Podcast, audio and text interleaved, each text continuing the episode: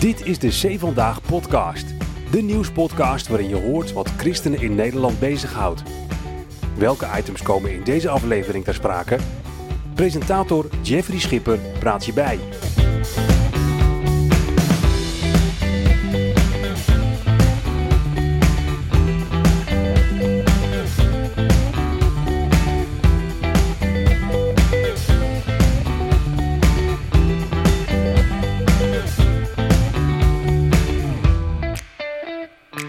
Bart-Jan Spruit, hij publiceert, hij doseert, hij schrijft en hij analyseert ook in deze C Vandaag podcast. En dat doen we bij hem in de keuken.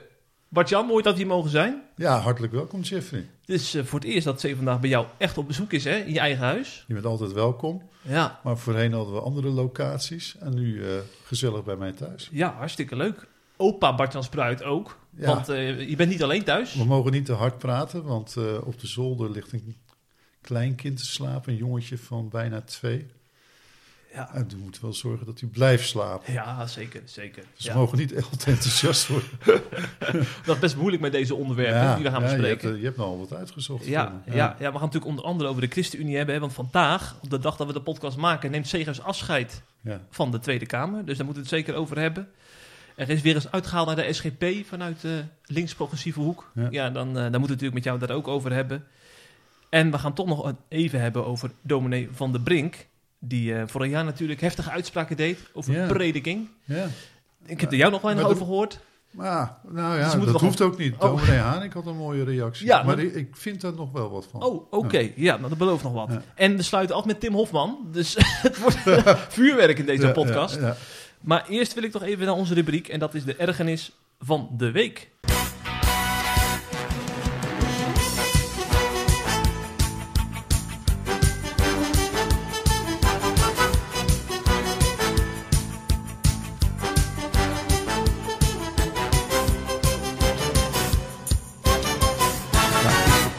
ergernis.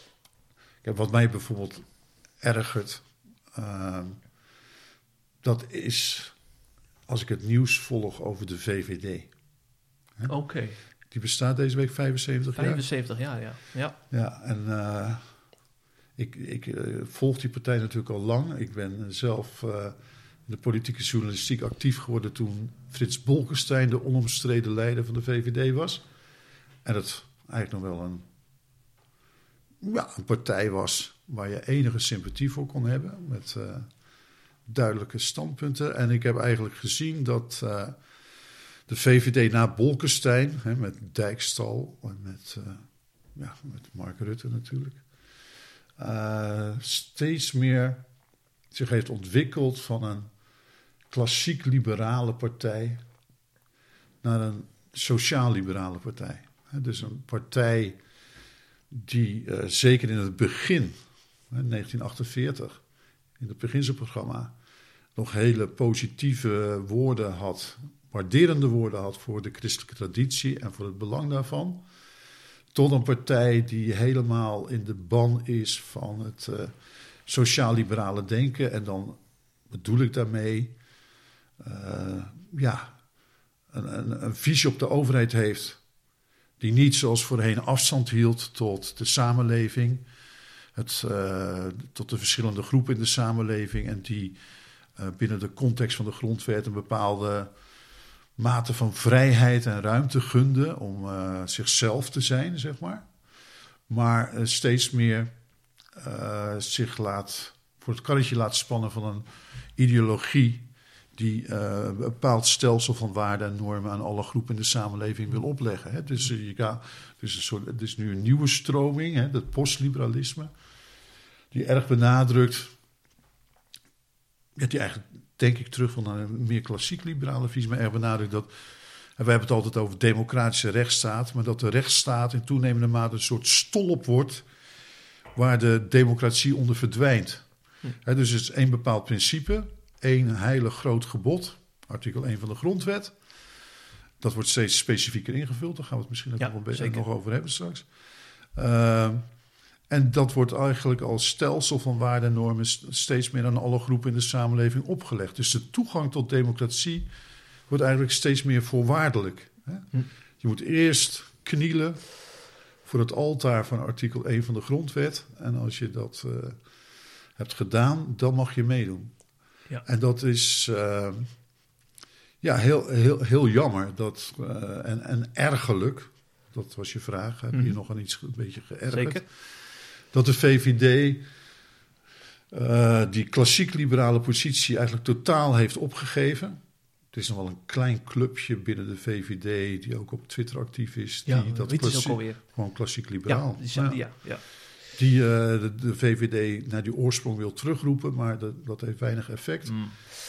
Dus er is eigenlijk nauwelijks een, nog een ideologisch verschil tussen VVD of D66 of GroenLinks. Het is allemaal één grote sociaal-liberale prak waar je tegenwoordig mee te maken hebt. En dat vind ik jammer, omdat eh, het tegenspel tegen die ideologie daardoor een enorme massa heeft verloren. Hm. En eh, de VVD steeds meer aan de verkeerde kant van de streep komt te staan. Dus de jubileumboodschap van Bart-Jan Spruit is keer terug naar je bron. Keer terug naar je klassiek liberale bronnen Ja. en eh, doe wat je volgens je oorspronkelijke ideologie moet doen en laat wat meer ruimte aan de samenleving en aan de verschillende groepen in de samenleving. Het laatste nieuws uit Christelijk Nederland bespreken we in de C Vandaag podcast.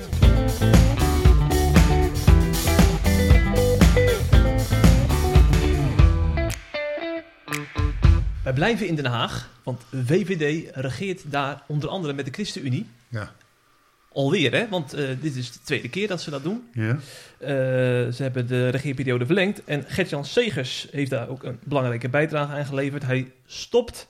Van, dit is, eh, we maken de podcast op deze dinsdag. Zijn laatste Kamerdag in Den Haag. Hij geeft een stokje door aan Mirjam Bikker. Nou, we gaan niet uitgebreid stilstaan bij, eh, bij zijn afscheid. Want volgens mij wordt het al allemaal in Den Haag daar wel eh, goed geregeld. Maar ik vind het wel mooi om nog even de politieke erfenis eh, van Segers door te nemen. Vandaag hadden we een aantal prominenten op onze site, Zee Vandaag, die zich erover uitlieten. En ik wilde jou een aantal uitspraken voorhouden, als je dat goed vindt, Oké, Bartjan. ja. Want, Mag ik eerst iets in het algemeen zeggen? oh natuurlijk, ja. Ja, nou ja, tenzij ik je eh hinderlijk nee hoor, nee hoor, een- ik ben heel benieuwd. Nou ja, ik moet zeggen, eh, ik, ik, niemand eh, zal mij eh, ervan verdenken dat ik nou eh, een eindeloze sympathie heb voor de ChristenUnie. Mhm. Maar ik vind Gert-Jan Segers toch wel een vent met karakter. Ehm, vooral voor de manier, je, je- ik, ik geloof hem.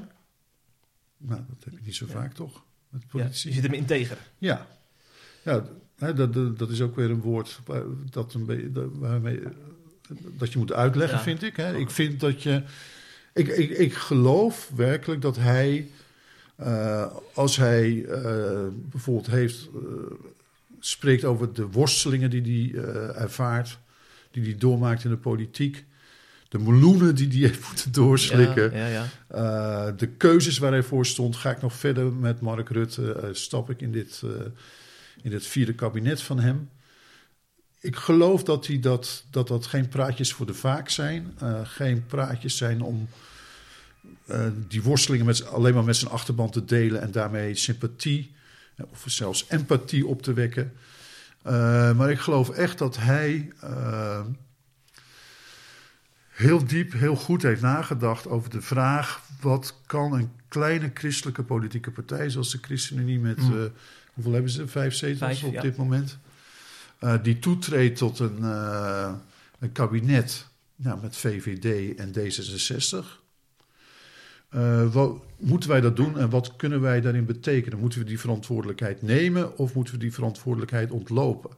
Kunnen we in zo'n kabinet. Hè, hij heeft lang niet meer de illusie natuurlijk dat je vanuit de christelijke politiek een, nog een christelijk stempel op de samenleving kan, kunt drukken met politieke middelen. Maar kunnen, zouden wij als ChristenUnie door uh, toetreding tot dit kabinet ja, nog een weerhoudende kracht kunnen zijn? Dat is een beetje de, de taal die hij gebruikt. Dat is eigenlijk wel een beetje ja, spanningsvol in die zin dat hij zich volgens mij erg oriënteert op Dietrich Bonhoeffer voor ja. zichzelf. Ja. Die natuurlijk ook voor de vraag stond: wat moet ik doen in deze situatie? Mag ik vuile handen maken? Mm -hmm. Uh, en hij heeft, denk ik, voor zichzelf die vraag uh, positief beantwoord. En gezegd van nou, ook als wij tot dit kabinet toetreden, zullen er ook dingen gebeuren waar wij hoogst ongelukkig mee zijn. Maar op relevante punten kunnen wij toch ook dingen tegenhouden, uh, bemoeilijken of in ieder geval uitstellen. Zoals de voltooid leven werd, die hoor ik altijd terugkomen. Ja. Dat is een Nou van ja. de belangrijkste dingen. Ja, ik denk dat dat voor hem een van de belangrijkste dingen is. Maar, maar dat waardeer ik enorm. Mm. Mm, mm. Ik vind het voorbeeldig. Ja. Eh, dat, dat je als eh, christelijk politicus. eh, die eh, daar kun je er natuurlijk makkelijk voor kiezen om aan de zijlijn te blijven staan en je eigen gelijk uit te roepen en ach en wee. Eh, maar dat je toch die verantwoordelijkheid dan op je durft te nemen. Hoe moeilijk dat in, in heel veel situaties ook uit te leggen is. Eh, hoeveel slapeloze nachten je het je ook oplevert. Hoe pijnlijk het, het vaak ook is, maar dat je dan toch eh, die positie inneemt en nog het beste ervan probeert te maken. Dat, dat wil ik graag vooraf gezegd hebben. Ja. Dat ik dat in hem heb bewonderd. Mhm, mhm. Ja, ja. Dit is in tegenspraak met wat Alexander Pechtold heeft gezegd bij Radio 1. Hij speelt politieke spelletjes, zei hij.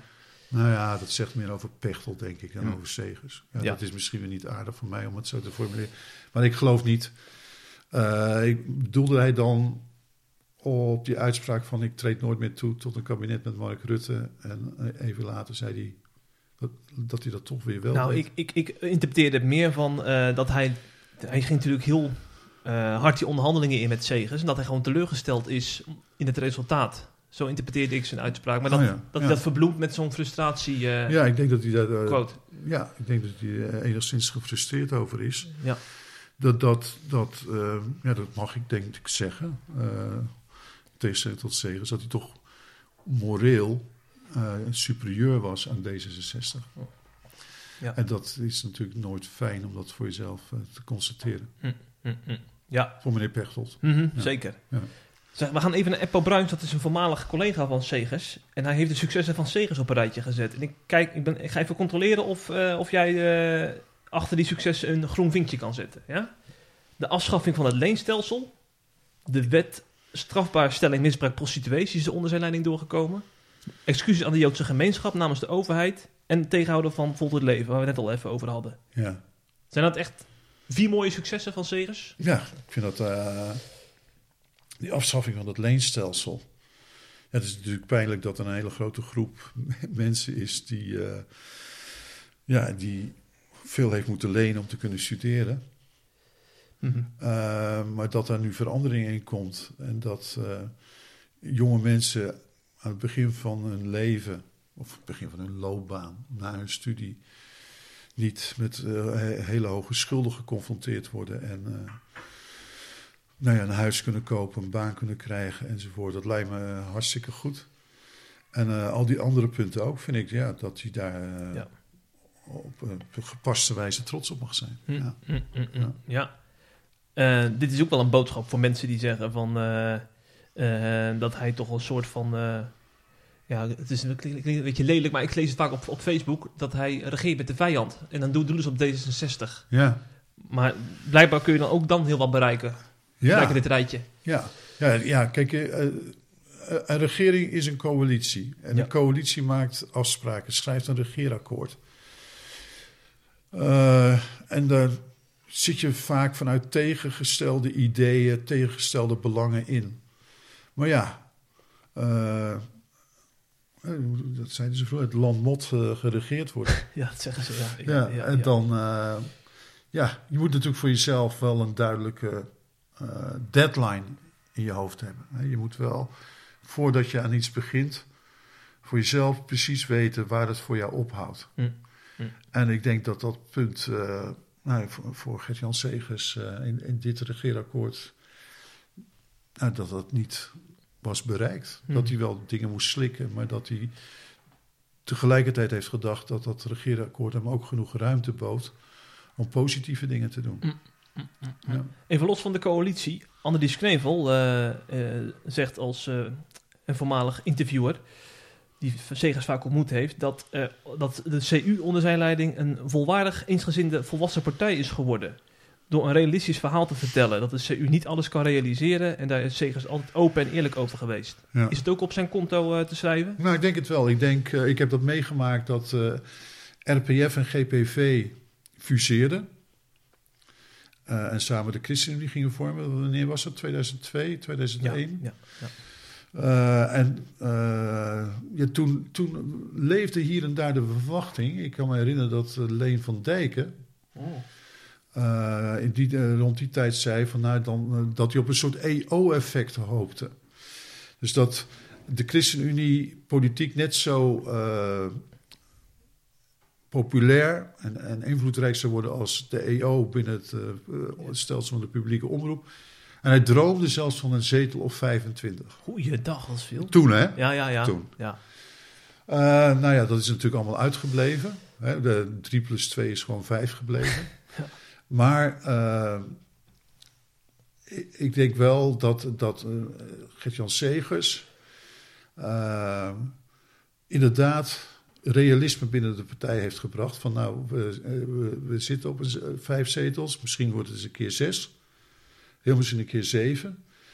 Maar wij, uh, de tijden van uh, Christ, van uh, christelijke presentie in de politiek, zoals onder het CDA, hè, die tot 1994 54 zetels hadden. En daarna altijd een machtsfactor van belang zijn geweest. Alleen al numeriek zal dat niet zo gauw terugkeren. Dus dat moet je ook onder ogen zien. En dan moet je niet dromen van 25 zetels of van uh, een voor, vooraanstaande positie binnen een coalitie. Maar dan ben je gewoon een kleine jongen die blij mag zijn als ze mee mogen doen en in die constellatie misschien niet eens uh, grootse idealen kan realiseren, maar in ieder geval nog uh, ja, erger kan voorkomen. -hmm. Ja, het is nu aan Mirjam Bikker om die lijn uh, voor te zetten. het viel mij op, ze heeft een enorme rebranding ondergaan. In een podcast van Politieke Duiden werd gezegd dat ze door de wasstraat is gegaan. Hè? Nieuwe fotoshoot, ja. nieuwe look. Ja. Dat hoort er blijkbaar bij, hè, bij zo'n leiderschapswissel. Ja, dat wist ik eigenlijk niet. Oh, is je niet opgevallen? Ja, het is oh, me wel ja. opgevallen. Maar Balken heeft het ook eens een keer gedaan, hè? Dat hij van dat Harry Potter kapsel ineens een keurige oh, ja. zijscheiding had en een andere bril. Maar dat was gewoon halverwege zijn ministerschap volgens mij, zijn oh, premierschap. Ja, ja, ja. ja ik geloof niet dat het nodig is. Hè? Mm. Uh, ze, ze doen het en blijkbaar denken zij dat het wel nodig is. En, ja. dat, dat er haar anders moet en mm. dat ze meer make-up moet dragen en zo. Ik hoop dat ze daar snel mee stopt. Ja. Want Mirjam Bikker lijkt me niet iemand die uh, zeg maar een uitwendige, hoe noemde jij dat? Restyling? Uh, rebranding. Rebranding nodig heeft om haar verhaal inhoudelijk voor het voetlicht te brengen. ja. ja. Want uh, de marketingmachine van de ChristenUnie draaide, vo uh, draaide volop. Ze schreef een briefje aan Nederland. Er werd dan ja. voorgelezen vanaf de, vanaf de uh, keukentafel bij haar thuis. Ja. En alles was geregisseerd. Hè? Ook hoe dat werd gecommuniceerd in de media ook. En, ja.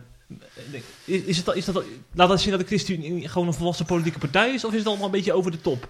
Nou ja, ik denk, ik denk dat ze bij de ChristenUnie hebben gedacht van... nou ja, Gert-Jan Segers, die heeft nu... hoe lang is hij politiek leider geweest? Een jaar of acht? Zeven. Zeven, zeven jaar. Ja, zeven jaar. Uh, met veel optredens in de media natuurlijk. Altijd een sterk verhaal. Niet uh, om te blazen. hij stopt er nu mee. Mirjam Bikke, ja, die heeft natuurlijk in de gemeenteraad van Utrecht gezeten. Uh, in de Eerste Kamer, toch een beetje in de luwte woordvoerder in de Tweede Kamer wel op belangrijke dossiers, maar ik denk niet dat, dat, dat, dat heel veel Nederlanders haar nou kennen. Ja, en dan vraag je als PR-machine af van hoe kunnen we Mirjam even voor het voetlicht krijgen. Nou, dat hebben ze op deze manier gedaan. Uh, ja, zo gaat het tegenwoordig. Ja. Hè? Die, uh, dat, dat, dat, dat, hoe moet je het zeggen? De presentatie. En uh, de, de, de indruk die je uh, wilt overbrengen, namelijk dat jij er nu bent voor de concrete vragen en noden van uh, de Nederlandse bevolking. Ja. En een beetje uit die kokon van politiek mm -hmm. Den Haag wilt stappen, waar ze ja. vooral met zichzelf bezig zijn, waar de polarisatie groot is en waar eindeloos gediscussieerd wordt en uh, beslissingen voortdurend worden uitgesteld. En waar mensen eh, steeds meer een dat bij mensen steeds meer een gevoel van vervreemding en distantie oproept. Dat jij nu de boodschap wilt brengen van nou, maar ik zit achter mijn keukentafel, ik schrijf jullie een brief. En eh, kom bij me langs om over je zorgen en je behoeften te praten. Nou ja, dat, is- dat is misschien eh, handig om dat te doen. Eh, maar dat is natuurlijk niet de proof of the pudding. Dat, Mhm, nee, de, zeker. de- dat, dat, dat moet de komende Mm. tijd gaan blijken. En wat valt je op aan de interview? Ik weet niet of jij een paar interviews met haar gelezen hebt of bekeken. Uiteraard, ja. Wat valt je op aan haar inhoudelijke verhaal? Legt ze ergens een nadruk op? Wil ze iets neerzetten? Nou, ik, ik vind uh, Mirjam Bikker nou juist helemaal... Ze is nu wel gerebrand uh, uh, op een bepaalde manier. Maar ik vind nou juist iemand die daar eigenlijk tot nog toe... en hopelijk in de toekomst ook volledig aan voorbij gaat. Ja. Aan die, die, die, die, die uiterlijke dingen en aan dat, dat gelikte verhaal Mhm. naar buiten toe. Ja. Maar dat zij uh, in, juist inhoudelijk uh, heel sterk is. Hè. Ik heb haar bijvoorbeeld uh, bezig gezien in, in, de Tweede Kamer tijdens dat debat over die transgenderwet. Ja. ja dat vond ik inhoudelijk heel sterk. Ze dreef de dingen niet gelijk op de spits, maar was wel, wel duidelijk en uitgesproken en had inhoudelijk gewoon hele fundamentele bezwaren tegen die nieuwe wet. En dat lijkt mij nou gewoon haar sterke kant. Maar is het ook niet een beetje gelijk een probleem? Want de meeste Nederlanders kijken geen debatten, maar die kijken talkshows. Ja. Dus die denken dat als Mirjam Bikker daar geen indruk maakt.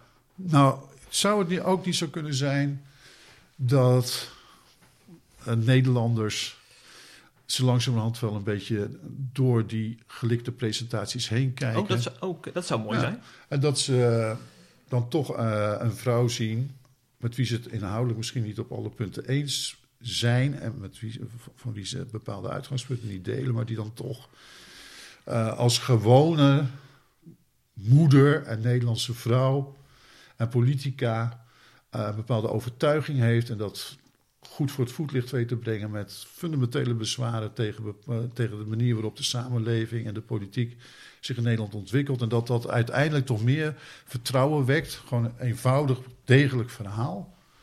Uh, goed onder woorden gebracht, maar zonder toeters en bellen verder. Dat dat uiteindelijk toch veel meer indruk maakt en meer vertrouwen wekt dan al die gladde praatjes van die jongens die altijd in die talkshows zitten. Mm, mm. Dat zou ik me voor kunnen stellen. Ja, ja. Nou, daar, daar hopen heel veel uh, ja. communicatiemensen op bij de ChristenUnie dat dat zo werkt. Toch dat het om de inhoud gaat. Nou ja, blijkbaar zijn ze tot, tot nog toe niet van overtuigd ja. dat dat genoeg is. Nee, nee, nee, precies. Uh, maar ik denk dat, dat je. Kijk, ik heb bijvoorbeeld. Uh, weet je, kun je nog herinneren dat Kars Veling uh, leider werd van de ChristenUnie? Oh, dat is echt voor mijn tijd, hoor. Ja, was ik nog niet actief. Ook te lang geleden. Ja. En toen hadden ze ook al een PR-afdeling natuurlijk bij de ChristenUnie. En ze lieten die man allerlei dingen doen die niet bij hem pasten. Oh ja. Ik kan me nog herinneren, het was heel pijnlijk en ongemakkelijk dat hij een soort levend schaakspel moest gaan doen. Meen je dat nou, joh? Ja. En je zag dat die man uh, waarschijnlijk wel heel goed in schaken was, maar niet in een levend schaakspel. En dat, dat, dat, dat, ze, hè, die PR-afdeling kunnen mensen natuurlijk ook in een onnatuurlijke rol dringen, dwingen. Uh, waardoor ze allerlei gekke dingen moeten uithalen die, uh, waardoor hun de persoon die ze zijn en de persoon die ze moeten spelen te ver uit elkaar groeien. Hm.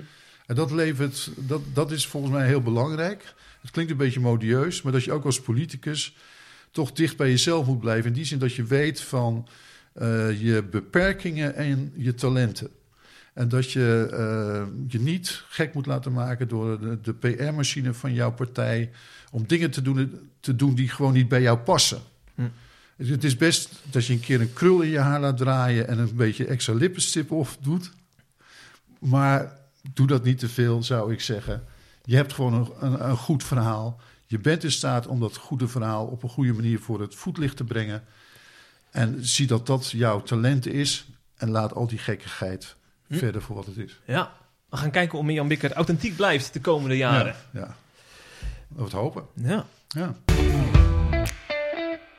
Van de Tweede naar de Eerste Kamer. Want daar was ook een mooie ontwikkeling. Tenminste, een uh, uh, opvallende ontwikkeling gaande. Uh, daar is namelijk een wetsvoorstel aangenomen. Waardoor de grondwet, eerste artikel over discriminatie, is aangepast. Hè? Ja. Je weet wat, wat, er in artikel 1 staat, Bart-Jan?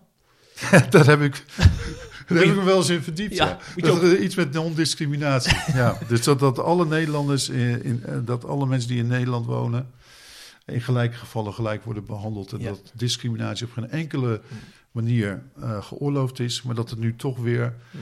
een aantal specifieke groepen zijn benoemd. eh, Ja. Die we niet mogen discrimineren. Handicap en seksuele gerichtheid zijn eraan toegevoegd aan het rijtje. Want er stond al in ras, geslacht, eh, politieke gezindheid inderdaad. En, Ja. maar dat vonden PvdA, GroenLinks en D66 niet genoeg. Dus handicap en seksuele geaardheid zijn eraan toegevoegd aan het rijtje. Om te laten zien dat ook zij geaccepteerd zijn in ons land. Ja. Ja, dan is de vraag, is dat, is dat nodig om dan zo'n grondwet aan te passen? Nou ja, ik denk het niet, want er staat ook al aan het slot van het artikel of op welke grond dan ook. Ja, dat, dat las ik ook inderdaad. Dan denk ik van, staat het dan? Ja, Ja. Dus het staat er allemaal duidelijk in. En ik denk dat je het gevaar loopt, eh, dat eh, door, door steeds meer eh, groepen specifiek te benoemen, de indruk wekt dat het dan alleen om die groepen gaat. Mm. Dat er daarnaast ook de groepen zijn die niet specifiek worden genoemd, die je wel mag discrimineren. Ja, ja, ja. Dus het lijkt me onhandig, maar ik zag wel, eh, ik zag wel dat de indieners, GroenLinks, PvdA, D66, dacht ja, ik, precies. verschrikkelijk blij waren. Elkaar bloemen gaven, champagne ontkurkten en een vreugdedansje maakten. Mhm. Dus blijkbaar stond er voor hen nog heel veel op het spel. En ik heb me afgevraagd, wat zal dat dan zijn? Ik denk dat, eh, dat, dat een van de dingen die een belangrijke rol heeft gespeeld... is dat zij met deze grondwetswijziging hebben willen bereiken... dat allerlei eh, voor hen verworvenheden... eh, die zijn binnengehaald bij de afwikkeling van die LHBTI-agenda dat, die, nou ja, dat het nog moeilijker wordt om die op een gegeven moment nog een keer terug te draaien. Ja. Dus dat zeg maar ook het homohuwelijk nu niet alleen wettelijk, maar ook grondwettelijk verankerd is. Mhm. En dan gaat dus zodat eh, in, het, in, het, in het geval dat je in Nederland nog eens een keer een, een, een, eh, een rechtse meerderheid zou krijgen. eh, die zegt, nou, al die gekkigheid, daar moeten we toch weer eens van af. Dan gaat dat niet zomaar. Dan gaat het niet Nee, zomaar nee. meer. Ja. De SGP is natuurlijk eh, tegenstander hè, van, die, eh, van die wetswijziging. die hebben ook tegengestemd. Eh Diederik van Dijk zei... de grondwet is geen ideologisch pamflet... om bijvoorbeeld de LHBTI-agenda voor te stuwen. Dus die zien dat ook, hè, wat, jij, Ja. wat jij daar constateert. En die, daarom zijn ze er ook op tegen. En BNN-Vara, die hebben een website. Dat is jo.nl. Ik denk niet dat je daar dagelijks op kijkt, eh Hij Bart-Jan. is van Francisco van Jolen. Ja, precies. Ah, die man die hoor je natuurlijk ook regelmatig Ja. op radio. Hij is opinieduider. Eh, Ja. de- Joop is een opiniewebsite eh van de omroep BNN Vara. En die, die hebben daar de SGP beschuldigd van extreem rechts extremisme, rechtsextremisme. Omdat ze dus eh, niet zijn meegegaan met D66 en de andere partijen. En ehm, eh, even kijken hoor. De senatoren van het Fascistische Forum voor Democratie en de radicaalrechtse PVV en de godsdienstwaanzinnige SGP stemden tegen. Zo werd dat letterlijk geformuleerd in het artikel. Ja. Dat is niet echt objectief trouwens. Nou, niet helemaal. maar het is een opiniewebsite. Ja, dat is waar, dat is waar. Ja, ja. En het verbaast misschien dan ook weer niet als het uit de mond van Joop.nl komt, want die, die zijn wel vaker kritisch op christenen, hè? Ja, nou ja, dit, dit is natuurlijk eh, wel bedenkelijk, hè? ergelijk. Dat, ehm, dat, dat, dat, je, niet meer, eh, zeg maar, als je het van een afstandje bekijkt, hè, dan niet eens gelijk een pa- partie eh, doet, maar dat je in Nederland niet meer inhoudelijk met elkaar kunt, eh, van mening kunt verschillen, zonder dat jouw mening, die dan anderen onwelgevallig is, wordt weggezet als, nou ja, soms als islamofoob of homofoob, of als rechtsextremistisch, of als fascistisch, of als godsdienstwaanzinnig. Eh, laat ik me beperken tot de SGP, eh, dat toch een hele degelijke en betrouwbare partij is, die al honderd jaar meedraait in de Nederlandse politiek, eh, zich nooit door extremisme heeft ge, zich nooit op extremisme heeft laten betrappen, redelijk argumenteert, natuurlijk vanuit duidelijke eh, christelijke uitgangspunten. En dat die op grond van inhoudelijke argumenten tegen zo'n, grond, eh, zo'n uitbreiding zijn van artikel 1 van de grondwet, eh, maakt hen niet tot godsdienstwaanzinnig. Dat gaat heel ver. hè? Als je Ja. dat zegt, dan hè, iemand die waanzinnig is, moet worden opgesloten. Iemand die godsdienstwaanzinnig is, is niet toerekeningsvatbaar. En die zegt dus alleen maar, die, die braakt alleen maar nonsens uit. Hm. Dat is zo'n beetje de, de definitie van een godsdienstwaanzinnig. Ik vind het zeer betreurenswaardig dat hele fatsoenlijke politici, als eh, in de Eerste Kamer dan Peter Schalk en Diederik van Dijk, Namens de SGP, ja. namens, de- die de, namens de SGP het woord voeren, zo worden weggezet. Ik vind het onheus en ik vind het ook eh, ja, hoogst ongewenst dat je mensen op deze manier probeert te disqualificeren. Maar ja, dat, dat, dat is wel de drive natuurlijk. Hè? Dus dat mensen in de politiek, en zeker vanuit eh, Joop, dat is natuurlijk VARA, dat is PvdA, eh GroenLinks, D66, dat die eh, zo ideologisch gedreven zijn op, de- op, dit, de- op deze punten, dat ze iedere vorm van tegenstand en van tegenargumentatie alleen maar via een soort poging tot demonisering tegemoet Hm. kunnen treden. Hm. En niet meer eh, eh, de aanwezigheid van die oppositie eh, kunnen waarderen als een redelijk tegengeluid waar je gewoon door middel van argumentatie mee in gesprek gaat. Mhm. Ja, Dat is natuurlijk heel, heel zuur. jammer inderdaad, ja. Laten we maar dan maar niet te het is lang... jammer, dit is heel erg. Ja, dat is zeker. Het is ook erg. Ja. Maar misschien ook goed om niet te veel aandacht te geven aan, aan deze Aan mensen. Joop. Ja, Nee. want dan krijgen ze te, te veel aandacht, hè? Moeten we niet doen. Nee. Laten we het maar over de prediking hebben, Bart-Jan. Want jij Ja. bent ook een man die nogal eh, daar, daarvan eh, blij kan worden, denk ik, als jij onder een goede preek zit, hè? Op zondag. Of door de week. Ik weet niet hoe vaak je... eh, Ik, ga- nou, ja, ik ga zondags natuurlijk twee keer naar de kerk. En ik woon in de omgeving van Gouda. En daar, Vroegkeus. de, dus we hebben hier in, in Reeuwijk hebben we nog een klein, mooi oud hervormd kerkje... waar door de weeksdiensten Oh, ja. worden belegd. En in Waddinxveen. ja. Dus als het even kan, ga ik ook door de weeks. Ja, mooi. Ja. Eh, nou werd vorig jaar, eh, bijna een jaar geleden, de noodklok geluid door dokter Gert van der Brink van de Herstelte een van de jaar Kerk. geleden? Eh, nou, nee, ik zeg het verkeerd. Dat was juli vorig jaar. Dus dat is, Oh ja. ja, nou, we gaan Nou, toch eh, ruim ja. een half jaar geleden alweer. Ja. Die heeft dus een noodklok geluid. Nou, we kennen het volgens mij allemaal wel. Dat is heel vaak al gezegd, ook in de podcast, hè, dat hij vindt dat een deel van de reformatorische dominees eh, misleidende prediking verkondigt door ja, eh, Gods evangelie als een soort muizenval te presenteren. Hè? Eh, je moet nu al lachen. Ja, die, die, die, die, eh, dat beeld, dat kende ik nog niet. Oké, dat is een ja. muisval. Ja, ja, ja. Van, eh, eh, je mag wel naar kijken, maar je mag er niet aankomen. Oh, zeg ja, maar. ja. Weet je dat idee? Een beetje aan snuffelen. Ja, ja, Maar, ja, ja, ja. Het evangelie is niet zomaar eh, voor voor iedereen. Eh, daar waarschuwde hij tegen, tegen die eh, volgens hem misleidende boodschap die vanaf te veel kansels klinkt. Eh, en nog altijd, we zijn dus al een half jaar verder, nog altijd wordt er over geschreven en gediscussieerd op reformatorische fora, maar eh, ook op refoweb.nl. Hè. Eh, daar heeft dominee Haring, een predikant uit die bevindelijk gereformeerde hoek, waar Van der Brink zijn pijlen op richtte, die heeft het deels voor hem opgenomen. Maar, hij is natuurlijk niet alles met hem eens. Maar ik vond het toch wel opvallend dat een predikant uit die hoek toch Ja. een soort van erkent van hij heeft een punt. Ja, nou ja, het verbaast me ook weer niet helemaal. Oké. Ja, Ja, je kent eh, Haring al langer waarschijnlijk. Nou ja, en, eh, ik geloof dominee Haring, C. Haring. Er zijn een heleboel Ja, Haringen. dit is C. Haring waar we het nu over hebben. Al 60 jaar predikant. Ja, ja. ja. Hij had een prachtig interview in het Nederlands Dagblad eh, Mhm. rond dat jubileum. Mhm. Eh, het is natuurlijk een man eh, die heel zijn leven al, tenminste voor zover ik eh, terug eh, kan gaan in de tijd. Ik herinner me, ja, nou, dat is misschien wel 30, 40 jaar geleden, een boek over de Schotse verbondsleer en zo. eh, zich duidelijk heeft eh, laten kennen als iemand die eh, binnen de gereformeerde gemeenten eh, een, eh, een ruim, eh, hoe moet je dat zeggen, een ruimhartige evangelieprediking voorstond. Dus dat je, eh, dat je binnen de theo- specifieke theologie van de gereformeerde gemeente eh, niet moet blijven hangen in, eh, in, in, zeg maar, het uiten van een wens. Van, nou, gemeente, we hopen dat u dit ook nog eens mag leren kennen. Of, Mhm.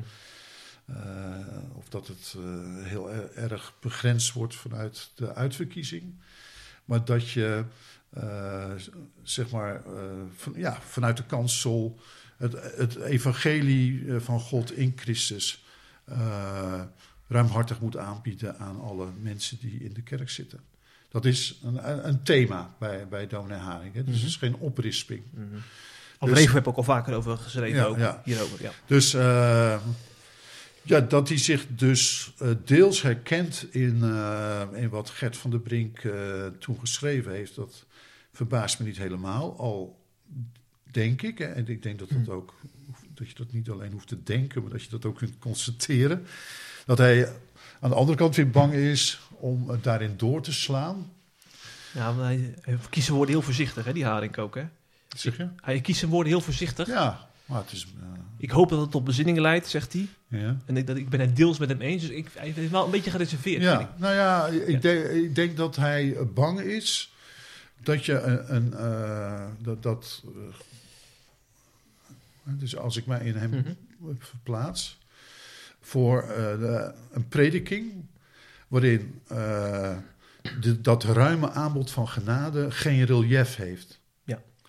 Dus een prediking waarin Christus helemaal centraal staat en waarin die ruimhartig wordt aangeboden, maar waarin op geen enkele manier duidelijk wordt waarom je hem nodig hebt. Oproep tot wedergeboorte, tot bekering, Ja. eh, ellendekennis. Nou ja, ja, precies. Dat, eh, dat ben ik ook helemaal van harte met dominee Hanik eens. Hm. En Van der Brink ook trouwens, volgens mij hoor. Want dan gaat, dan gaat die... Is je toch weer met hem? zijn- Nou, nou ja, in de, in de, zeg maar, de rechterflank wordt hij nou een beetje neergezet als een remonstrant hè, en als een eh, Arminiaan. ja, Maar als je dan met Van der Brink doorpraat, dan... dat is een beproefde strategie. Ja. ja. Ja, zeker. Ja. En als je dan met Van der Brink doorpraat, dan, dan ligt hij ook altijd wel die nadruk op dat je, dat je tot bekering moet komen, dat je, dat je zelf onderzoek moet doen Nou en ja, zo. het komt hierop neer. Ja. Moeder kom ik arm en naakt tot de God die zalig maakt. Je komt als zondaar, als rechteloze zondaar tot God en je smeekt om genade. Dat, en, dat, en dan, is, eh, dan krijgt het aanbod van genade in Christus betekenis voor je. Dus ik denk dat dat evenwicht in elke goede reformatorische preek eh, zit. Ja. En ik denk dat, dat, dat, dat, eh, dat, dat er momenten zijn dat, dat, dat, dat zo'n iemand als Gert van den Brink denkt... nou, ik ga eens eventjes helemaal aan de andere kant van de boot hangen... En dat dat dan eh, een commotie veroorzaakt. Dat, een- dat je dan een wijspredikant als dominee Haring nodig hebt om de dingen weer in balans te brengen. En dat Gert van der Brink dan uiteindelijk ook zegt van daar ben ik het eigenlijk ook wel mee Ja, eens. ja, ja. In de, in de hoop dat ook die ogen van de dominees opengaan voor die, voor die eh, onvoorwaardelijke eh Christusprediking. Ja, maar daar wil ik toch nog iets over Oh, zeggen. ja, vertel het eens. Eh, kijk, eh, Gert van der Brink is lid van de Hersteld Hervormde Kerk. Klopt. Nog steeds. De Hersteld Hervormde Kerk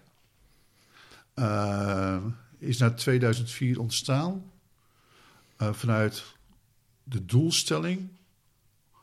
Eh, hè, misschien dat je, hu- juridisch en historisch kanttekeningen bij kunt maken, maar om in ieder geval theologisch de voorzetting te zijn van de oude hervormde kerk. Nou is er één belangrijk ding. Die oude hervormde kerk eh, zeg maar, de, hervormd gereformeerde positie heeft zich volgens mij ook altijd gekenmerkt door een bepaalde eenvoud in levensstijl en door een eenvoud in de prediking, wet en evangelie, dat evenwicht. Ik, eh, met deze discussie, ik hoop niet dat het onaardig klinkt, maar brengt Gert van der Brink eigenlijk een theologische kwestie eh, in de HHK die daar helemaal niet thuis hoort.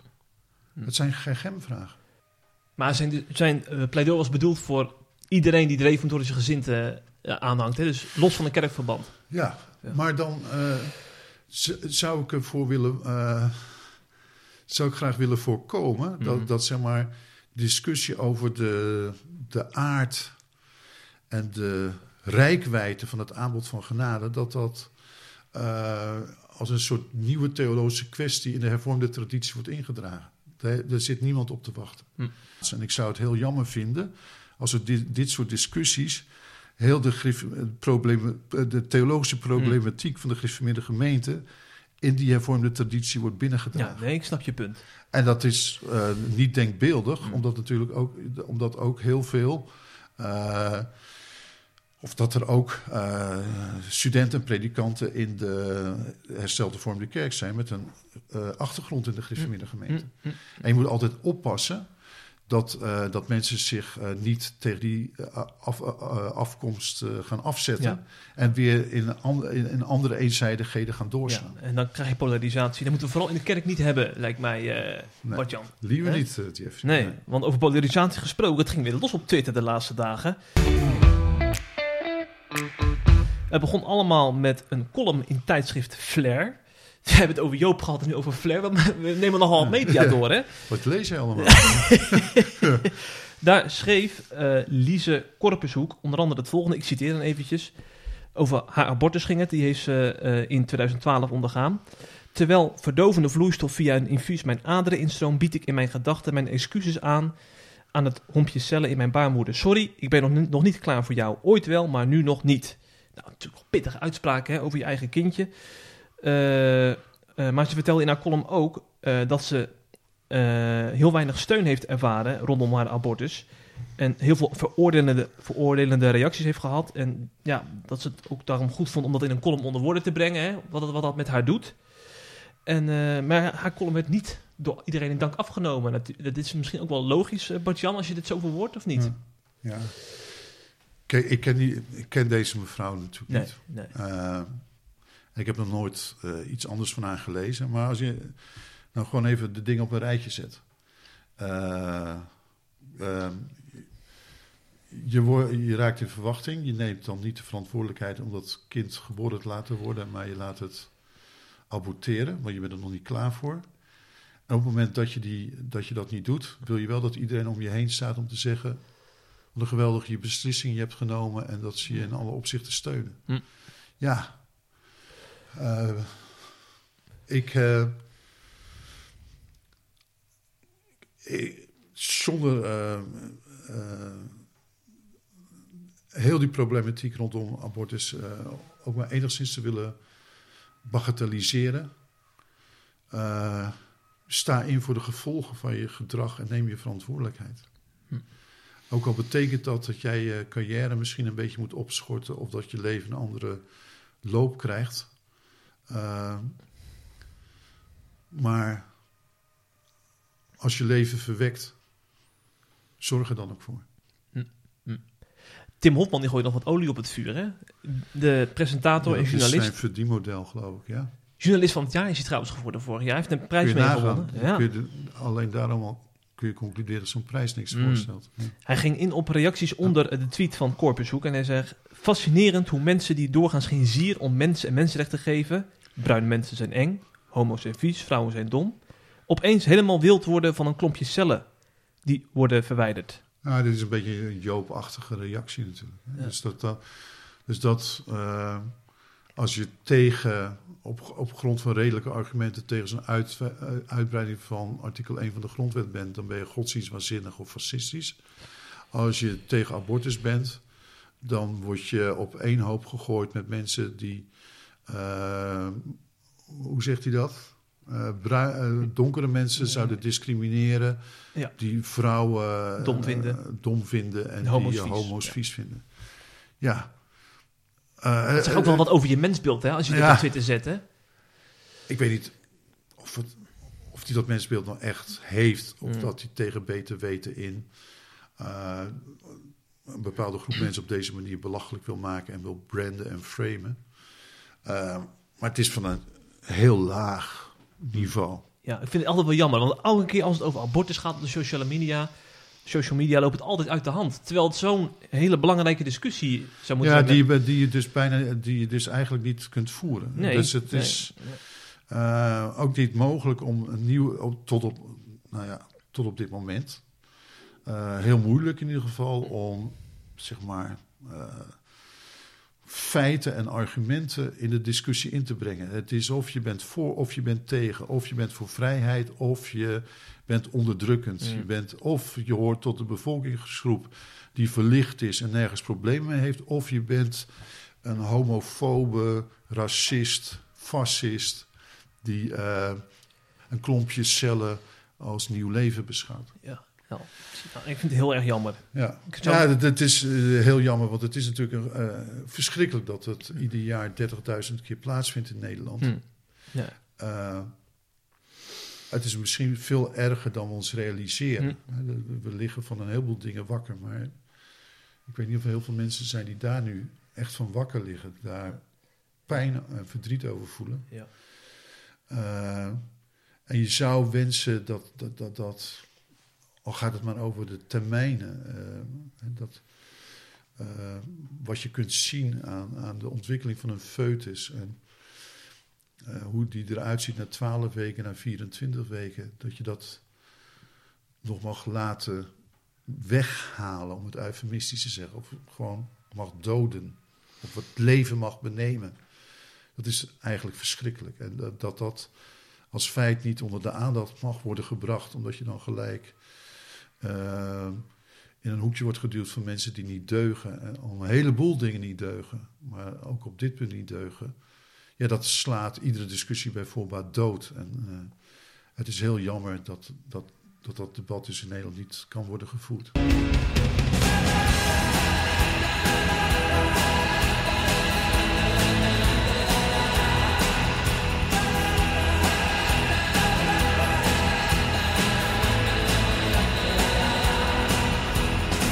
We sluiten altijd positief af in deze podcast. En dat doen we met de rubriek Uitsmijter van de Week. En normaal gesproken verzorg ik die. Maar Bart-Jan, je hebt een mooie anekdote, heb ik me laten vertellen. Oh ja? nou ja, eh, je, je- we hebben het ook over de ChristenUnie gehad en over Mirjam Bikker. En eh, vroeger woonde ik in de buurt van Mirjam Bikker. En eh, dat, dat, dat, daar heb ik een hele positieve ervaring eh, opgedaan. Eh, die ik best wel wil delen met jou. En via jou met de, de luisteraars van deze podcast. Ik, ik, woonde toen in een huis en, eh, eh, met een tuin. En in die tuin stonden een aantal populieren. Die stonden daar al 30 jaar. Die werden wat krakkemikkig, maar ik liet ze ieder jaar bekloppen en controleren of ze nog gezond waren. En dat was het geval. Maar tijdens een, een storm in februari is een van die bomen toen omgevallen. Eh, en die kwam vervaarlijk dicht in de buurt van een, eh, een rij huizen vlakbij. En dat veroorzaakte heel veel consternatie. En, en eh, het liep, eh, riep ook veel in de buurt ja, verontwaardiging en agressie op. Van had hij had dat dan beter gecontroleerd? En dan ben je stom dat, eh, dat je die bomen om hebt laten vallen. Terwijl je natuurlijk eh, je best hebt gedaan om dat onder controle te houden. En Mhm. dat ook niet had gewild. En ik was toch enigszins onder de indruk van wat voor agressie dat opriep. En, boosheid. En toen kwam er een klein meisje naar, naar, naar ons toe. En die eh, zei, ja, wij hebben het vanuit, vanuit onze huiskamer ook gezien. En eh, wij hebben tegen elkaar gezegd, eh, we, we begrijpen vooral ook heel goed dat de familie Spruit zelf heel erg geschrokken is. En dat ze verdrietig zijn en we hebben voor jullie gebeden. Wauw. En dat meisje was een dochtertje van de nu inmiddels zeer bekende politica Mirjam Wikker. Ja, Dus het maakt toch iets uit ja, waar ja. vandaan ja. komt. Ja, toch, ik, vind dat toch, ik blijf het toch fascinerend vinden dat mensen Ja. op die manier echt in het leven kunnen staan. Ja, nee, het, het ontroerde me. En Ja. het, het liet me ook zien van ja, het christelijk geloof doet toch iets, echt Zeker. iets met je. Zeker. Ja. Ja, ja, Ja. mooi. Mooie afsluiting, eh, Bart-Jan. Oké, Bedankt voor je bijdrage. het was me genoegen, Jeffrey. Ja, je, je kleinzoon slaapt nog steeds volgens mij. Ik heb nog niks gehoord. Ja. eh, ja, of we zijn niet enthousiast genoeg geweest, of niet verontwaardigd genoeg, Ja, of we hebben ons niet genoeg geërgerd. We hebben ons in, wel, in ieder geval zo weten in te houden dat het niveau van ons geluid niet tot hem is doorgedrongen. Precies, ja. Ik wens je nog een hele mooie dag toe met je kleinzoon samen. Oké, En wie weet tot een volgende podcast. ja, Zou heel, zijn. heel graag. Je bent altijd welkom. Mooi om te horen. En luisteraars, tot volgende week. Hopelijk heb je genoten van deze C Vandaag podcast. Volgende week is er weer een nieuwe aflevering. En blijf via cvandaag.nl op de hoogte van het laatste nieuws uit Christelijk Nederland.